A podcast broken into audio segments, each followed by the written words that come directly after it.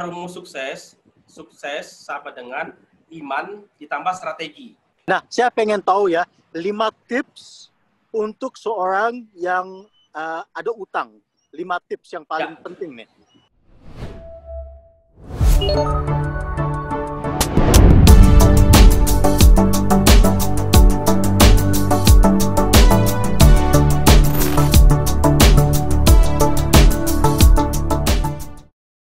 Jadinya pelajaran pertama adalah mentor, pentingnya mentor ya. Yang kedua, saya mau nanya, kenapa hal spiritual itu adalah sesuatu yang penting untuk seorang yang mau misalnya uh, bangkit lagi, mau ya. naik lagi atau kenapa hal spiritual itu penting? Ya, jadi ketika di kondisi susah, ketika di kondisi kita nggak tahu harus ke mana, kita kan berpikir terus keras ya, kita nggak ada duit, kita berpikir bahwa ada duit. Kita nggak ada ilmu, berpikir bagaimana cara ada ilmu gitu kan. Tetapi ada satu di mana kita itu mau bergantung ke siapa.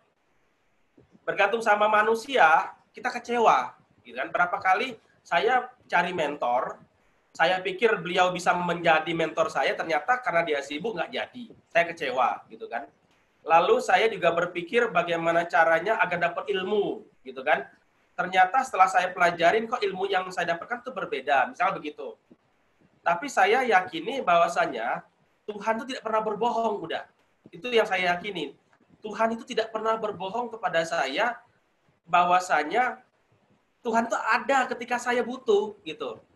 Ketika saya butuh Tuhan itu ada, cuma karena ibaratnya saya itu terlalu banyak ini ya, terlalu banyak kalau kita ibarat kaca itu tertutup gitu sehingga kita nggak melihat ada Tuhan di situ. Padahal Tuhan tuh lagi ngajarin, kamu ikutin mentor ini, kamu ikutin ini, gitu kan?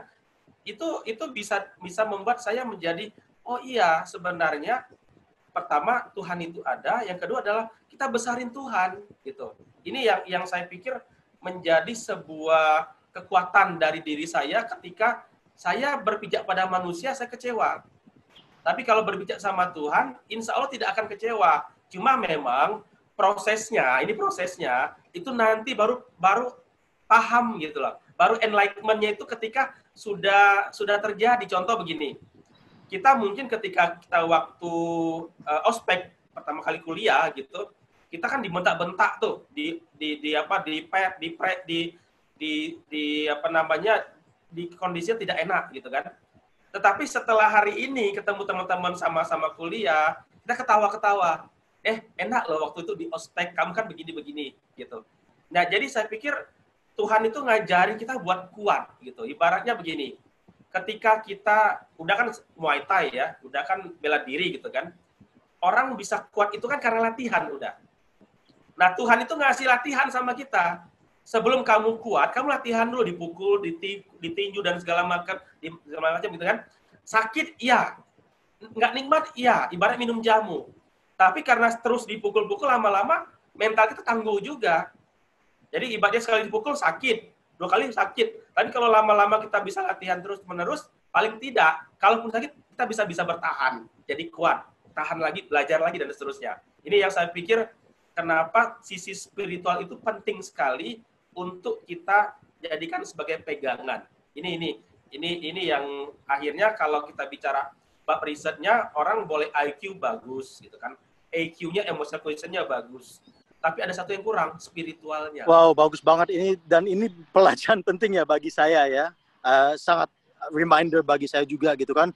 Tapi saya mau nanya juga ya, ada orang yang di titik bawah gitu kan, mereka itu tidak ke jalur uh, yang spiritual. Oke? Okay? Ya. Dan ternyata juga banyak juga meskipun uh, Bung Hari ada uh, seorang uh, muslim ada juga yang orang Kristen, orang Yahudi, orang uh, Katolik semua mereka ada kepercayaan Tuhan gitu kan. Ya. Tapi ada juga yang ateis gitu kan, yang ya. ateis sama sekali nggak percaya dengan Tuhan, mungkin mungkin nggak sholat, nggak nggak ya. istilahnya nggak ada nggak nggak nggak beragama gitu kan. Tapi mereka justru sukses, mereka ya. justru ya. kaya, mereka justru Betul. fine, mereka nggak ya. ngerasa gelisah, mereka hidupnya dengan full gitu. Gimana menurut Bang Hari? Bung Hari? Ya. Kenapa? Jadi, aku ya. pengen ya. tahu banget kenapa itu spiritual itu adalah hal yang sangat penting yang uh, dalam hidup seorang itu? Kenapa? Ya, uh, pertama ada rumus sukses. Sukses sama dengan iman ditambah strategi, ya. Oke. Okay. Sukses sama dengan iman ditambah strategi. Kalau bicara bab strategi hari ini, saya pikir orang-orang Barat di sana itu lebih hebat dari kita. Kalau kita bicara bab strategi, mereka meriset, mereka benar-benar contoh. Profesor Richard Wiseman itu meriset tentang luck, faktor keberuntungan. Bagaimana ada orang yang sial sama orang yang yang runtung, kira-kira begitulah. Itu di riset, bahkan sampai benar-benar ada yang dapat lotre di riset sama dia, gitu kan. Kalau bicara bab strategi, ini adalah orang-orang yang saya pikir luar biasa. Tetapi ada satu yang mungkin, ini pengalaman saya, empirik gitu kan. Saya kebetulan banyak melihat orang-orang yang juga dulunya sukses dengan cara strategi tadi, itu mengalami titik balik. Contoh, kebetulan saya ada komunitas namanya IIBF, Indonesian Islamic Business Forum. Rata-rata di sana itu para miliarder, para pengusaha besar gitu kan yang karena dia sudah merasa diri besar dia nganggap Tuhan tuh udah nggak perlu lagi yang penting cari duit dapat kerja tenang aman dan segala macam. Semua bisa dibeli ya. Tapi pada pada suatu titik di mana ketika ketika dia jatuh nah inilah. Ini yang saya bilang ketika dia jatuh dia berpikir ulang apa benar yang namanya uang, ketenaran dan segala macam itu bisa membuat saya bahagia, itu kan? Ya, ternyata oh dia lihat lagi, oh ada satu masalah yang paling besar ternyata walaupun dia misalkan punya hartanya banyak, ternyata utangnya pun juga banyak. Nah, ini. Ini satu. Uh, almarhum Lim Swee Leong, orang paling kaya nomor satu pada zamannya, itu kan meninggalnya di Singapura ditanya sama sama sama seorang wartawan, Pak Lim Swee Leong, kenapa sih Anda ini masih bekerja? Toh Anda kan sudah punya uang banyak, harta banyak, harta melimpah dan segala macam. Jawabannya cuma satu. Karena Pak, kenapa saya masih kerja?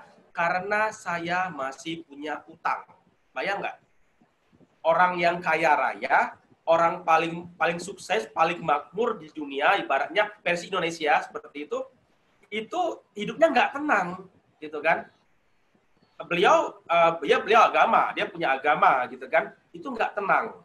Lalu bagaimana dengan yang ateis gitu? Kalau kita bicara ketenangan itu adalah salah satu parameter hidup gitu kan. Jadi begini udah saya tuh meyakini bahwasanya banyaknya duit itu tidak berkorelasi dengan ketenangan, ketenangan jiwa kita. Mhm. Bahwa duit itu penting, ya saya sepakat. Saya juga butuh duit gitu ya. Tetapi ketenangan sama kelapangan itu belum bisa didapatkan ketika mentalitas kita itu bukan mentalitas orang-orang yang abundance mentality. Contoh begini, ada orang minta uh, minta sedekah. Walaupun dia punya banyak duit, belum tentu dia mau sedekah. Kenapa? Karena secara mentalitas di, dia itu tidak punya punya mentalitas berkeberlimpahan gitu. Nah, balik lagi pertanyaan udah, kok bisa ada orang yang apa namanya ateis, bisa kaya raya, bisa punya harta, punya istri cantik dan segala macam gitu kan? Secara duniawi mungkin iya, tapi kita nggak pernah tahu dari sisi hari ini uh, jiwanya bagaimana, soulnya seperti apa gitu. Ini yang saya pikir Tuhan itu adil. Justru karena dia nggak mikirin Tuhan, dikasih sama Tuhan, ya sudah nggak apa-apa kamu, karena nggak percaya sama saya, kira-kira seperti itu, saya akan berikan apa yang kamu minta. Mau harta, dikasih. Mau istri, dikasih. Mau kedudukan, dikasih. Semua silakan.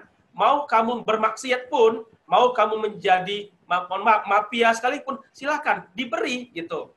Karena Tuhan itu adil. Tapi ingat kata Tuhan, nanti di akhirat, kan, kamu akan saya siksa. Gitu kan ini yang saya pikir uh, fair-fair saja ketika ada orang yang mis, apa diberikan kesempatan hidup menikmat dan segala macam, dia uh, apa namanya uh, diberikan kekayaan dan segala macam. Karena dia punya strategi. Nah, itu satu. Nah, yang kedua, bagaimana seandainya kalau ada orang yang punya iman juga punya strategi? Ada juga contohnya gitu Yang ateis bisa sukses, orang beriman juga bisa sukses. Contoh, ada salah satu pengusaha konglomerat itu di Arab Saudi, gitu kan. Dia punya bank bank yang dia sangat kaya raya sekali gitu. Dia juga bisa sukses karena apa? Selain dia punya strategi, tapi dia juga punya iman. Nah, itu fairnya Tuhan. Jadi bukan persoalan kita ateis, kita spiritualis, enggak. Ketika kita bicara hak duniawi, semuanya diberi kesempatan, gitu. Yang saya bilang tadi, seorang mafia bisa sukses, seorang ateis bisa sukses, tapi ketenangan jiwanya belum tentu. Hanya orang-orang beriman saja yang punya ketenangan. Itu versi saya, gitu kan. Mudah-mudahan eh, saya tidak salah. Kalaupun misalkan tadi uh, banyak orang uh, imannya kuat, lihat lagi strateginya jalan apa tidak, gitu kan? Jangan-jangan dia cuma beriman, ibaratnya ibadah ritualnya bagus. Nah, ritualnya bagus, spiritualnya nggak bagus. Kan beda tuh. Ritual itu adalah Allah Akbar ini kan ritual nih, gerakan kita ceramah, kita pergi ke gereja, ke masjid itu kan ada ritual. Tapi spiritual memaknai. Nah, ini kan hal yang berbeda. Harusnya imannya bagus, spiritualnya juga bagus gitu. Imannya oke, okay, okay, strateginya juga oke, okay, gitu dah. Baik, baik. Dan yang uh, berikut, kenapa Bung Hari milih untuk fokus kepada dunia finansial gitu ya? Ada aspek spiritualnya, sekarang aku mau bahaskan tentang finansialnya. Kenapa itu jadi pilihannya? Di mana Bung Hari sendiri waktu itu nol, bangkrut gitu kan? Kenapa fokusnya ya. sekarang udah bisa di finansial? Ya, kebetulan saya tiga tahun kerja di bank udah bank itu kan ibaratnya tempatnya duit gitu kan. Uh-huh. Tapi yang saya lihat waktu saya kerja di bank, teman-teman saya yang satu angkatan itu rata-rata bermasalah dengan duit. Orang kerja di bank harusnya kan bisa ngatur duit, harusnya gitu kan. Tapi justru nggak bisa ngatur duit. Kenapa? Dia punya kartu kredit, tinggal gesek. Gaji belum belum sampai akhir bulan, tanggal 25, tanggal tinggal 15 sudah gesek kartu kredit Begitu akhir bulan, mau bukannya menikmati duitnya, malah bayar cicilan utang. Itu orang yang kerja di bank. Ya kan? Itu itu yang saya rasakan, oh ternyata orang yang kerja di bank pun, yang dekat dengan uang pun, itu belum tentu bisa mengelola duit. Satu. Yang kedua, ini juga menarik adalah, saya kan pernah ke titik jatuh. Ya, saya bilang tadi nol, titik nol. Jangan sampai orang mengalami hal yang sama Hmm. Itu kenapa saya bicara bab keuangan. Karena kalau saya nggak menceringkan ilmu seperti ini, ya akan kembali lagi, muter lagi. Orang kerja dapat duit, dapat gaji, utangnya banyak. Kan? Akhirnya terlilit utang. Sekarang sudah ada namanya fintech, finansial teknologi, pinjol, pinjaman online. Cukup dengan handphone saja kita sudah bisa dapat duit gitu kan. Approve-nya pun tidak tidak lama, mungkin satu kali satu kali Eh, dua jam langsung ditransfer ke rekening kita. Tetapi kan banyak orang yang terjebak gitu. Apalagi sekarang pandemi. Pandemi ini nggak ada pekerjaan, kita pengangguran, bantuan dari pemerintah cuma 600 ribu, bisa apa sebulan 600 ribu? Ujung-ujungnya eh, pasti pasti utang, tidak ada pilihan, pasti utang gitu kan. Nah, uh, saya masuk ke dunia itu agar jangan sampai orang itu nggak paham tentang uang gitu. Nggak mengerti tentang uang. Yang paling pokoknya adalah tidak sadar tentang uang. Nah ini ini yang yang paling tinggi yang saya akhirnya saya berikan orang okay. mungkin tahu uang paham uang tapi sadarnya belum tentu gitu, Oke. Okay. Nah, saya pengen tahu ya lima tips untuk seorang yang uh, ada utang. Lima tips yang paling ya. penting nih. Uh, yang pertama karena saya background adalah ibarat spiritual, uh, spiritual strategik atau financial strategik seperti itu, kita harus uh, uh, namanya perbaiki dulu kondisi kita dengan Tuhan. Nah, gitu kan. Perbaiki dulu kondisi kita dengan Tuhan. Contoh begini, saya ini misalkan nggak pernah sholat lima waktu karena saya Muslim ya minimal bagaimana caranya saya sholat lima waktu itu satu ya kan yang kedua uh, misalkan kalau ke gereja nggak pernah ke gereja bagaimana caranya agar rutin setiap minggu itu ke gereja begitu yang Hindu Buddha yang Katolik dan lain dan seterusnya dan seterusnya Itu itu yang paling pertama. Perbaiki dulu dengan kondisi kita dengan Tuhannya dulu. Nah, yang kedua, apa yang harus kita lakukan? Yang kita lakukan adalah fokus pada peluang. Kan ada hukum Pareto tuh 80-20. Jadi kalau kita hari ini kesusahan, oke, okay, masalah itu ada. Itu tidak bisa kita nafikan, tidak bisa kita hilangkan. Masalah itu ada. Tapi kita juga harus berpikir bagaimana caranya agar kita itu memikirkan solusinya 80% dari masalah. Itu. Misalkan kayak tadi misalkan kita pengangguran nggak ada duit, bagaimana caranya? Ya kita kan punya tetangga. Tetangga itu mungkin masih ada yang memiliki barang. Kenapa kita tidak jualin? Gitu kan? Persoalan kita nggak bisa jualan, ya itu kan proses. Saya dulu seperti saya jualan door to door karena nggak tahu cara jualan online door to door gitu. Coba seandainya saya dulu tahu cara jualan online, ngapain saya harus door to door jalan kaki dari Pondok Indah ke Al Azhar gitu kan? Nah, ini yang fokus pada yang 80%. Nah, yang ketiga, ini uh, kita itu harus memikirkan juga yang sisanya 20% gitu. Masalah kita. Masalah kita harus kita selesaikan juga gitu. Nah, baru yang bicara bab keempat inilah kita pentingnya punya mentor. Ini yang yang selalu saya bilang. Ibaratnya begini, kita ingin dari Jakarta ke Australia, gitu kan. Kalau misalkan udah itu adalah mentor saya yang sudah pernah ke Australia gitu, ya saya harus cari mentor yang seperti udah gitu. Bukan orang yang cuma sekedar menasehati tanpa ada solusi atau dia nggak pernah menjalanin, ya kan?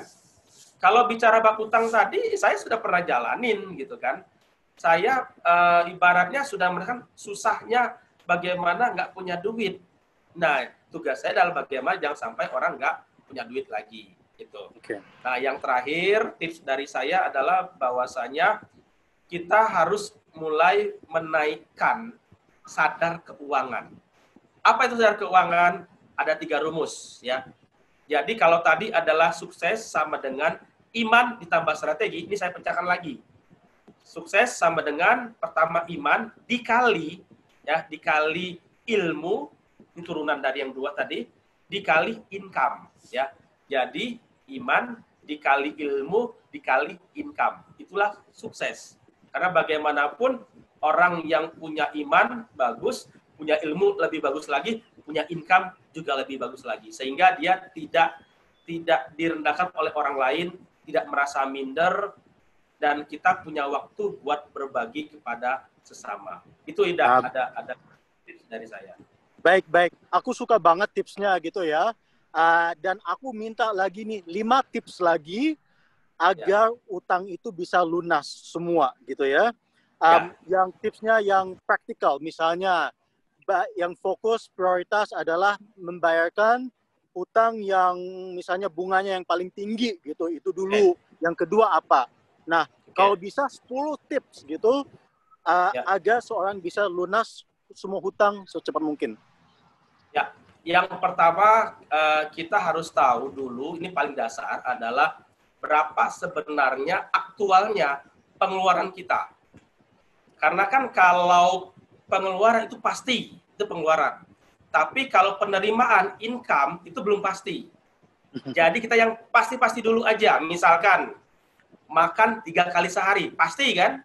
Bisa nggak kita makan dua kali sehari? Ini, ini, ini, ini adalah sesuatu negosiasi. Kalau kita mau ideal tiga kali sehari, ya ada duitnya apa enggak? Kalau nggak ada duitnya, kita akan menurunkan. Ada rumusnya nama jatuh. Jadi untuk bisa menurunkan utang, pertama kita harus tahu berapa pengeluaran realnya kita tiap bulan. Rumusnya jatuh. Apa itu rumus jatuh? Jarangkan, uh, turunkan, hilangkan.